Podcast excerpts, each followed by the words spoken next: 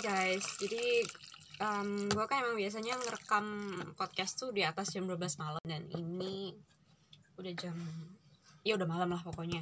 Bisa dibilang gue bangun lebih awal dari biasanya. Um, kerjaan gue juga baru kelar. Eh hmm, buat sekarang akan menjawab pertanyaan yang paling basic mungkin ya. Tapi gimana ya? Paling basic tapi juga mungkin nggak semuanya langsung nggak apalagi buat pembaca baru ya mungkin nggak semuanya ngerti dan bertanya-tanya. Gimana pertama kalinya Jaron sama Liana ketemu? Aja tuturut tuturut ya um, jadi kayak yang bisa kita tahu sejauh ini dari chapter yang udah sejauh ini dibaca kita tahu kalau dari awal bahkan kita tahu kalau Liana itu temennya Brian. Nah Brian ini juga temenan sama Jaron. Nah dari itulah gimana caranya mereka bisa ketemu. Ya lewat Brian itu. Bahkan juga udah diimplikasiin dari sinopsis juga kalau misalnya Brian yang membuat mereka berdua bisa ketemu gitu kan. Nah sekarang pertanyaannya adalah gimana mereka bertemu di awal.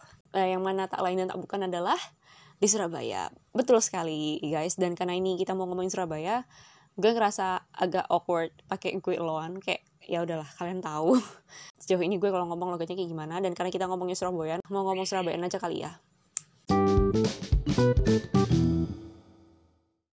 Yore, jadi kita tekokin nih dari sini kita mulai ngomongnya Surabayaan ya. Jadi apa caranya Liana itu pertama ketemu sama Jaron? Ya itu karena Brian. Dan kan Liana sama Brian ini tetanggaan pada dasarnya.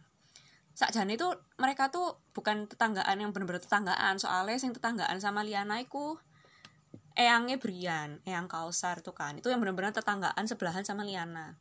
Nek misalnya kalian tahu, tuh di daerah Surabaya Utara beneran ada jalan namanya tuh jalan Baskara Sari tonggo kurek cek ramene isu-isu ya the reason why Brian has his name Cia Brian uh, Brian Baskara Karunia itu karena dia lahir di Jalan Baskara Sari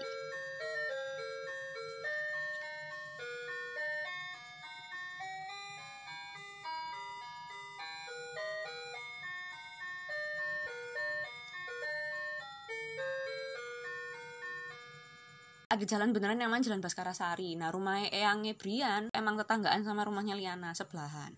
Makanya Brian sama otomatis adiknya Dani itu sering ke rumah Eyangnya kan sejak kecil. Makanya dia bisa kenal sama Liana. Terus habis itu juga to some extent beberapa saudara Brian, sepupunya banyak toh.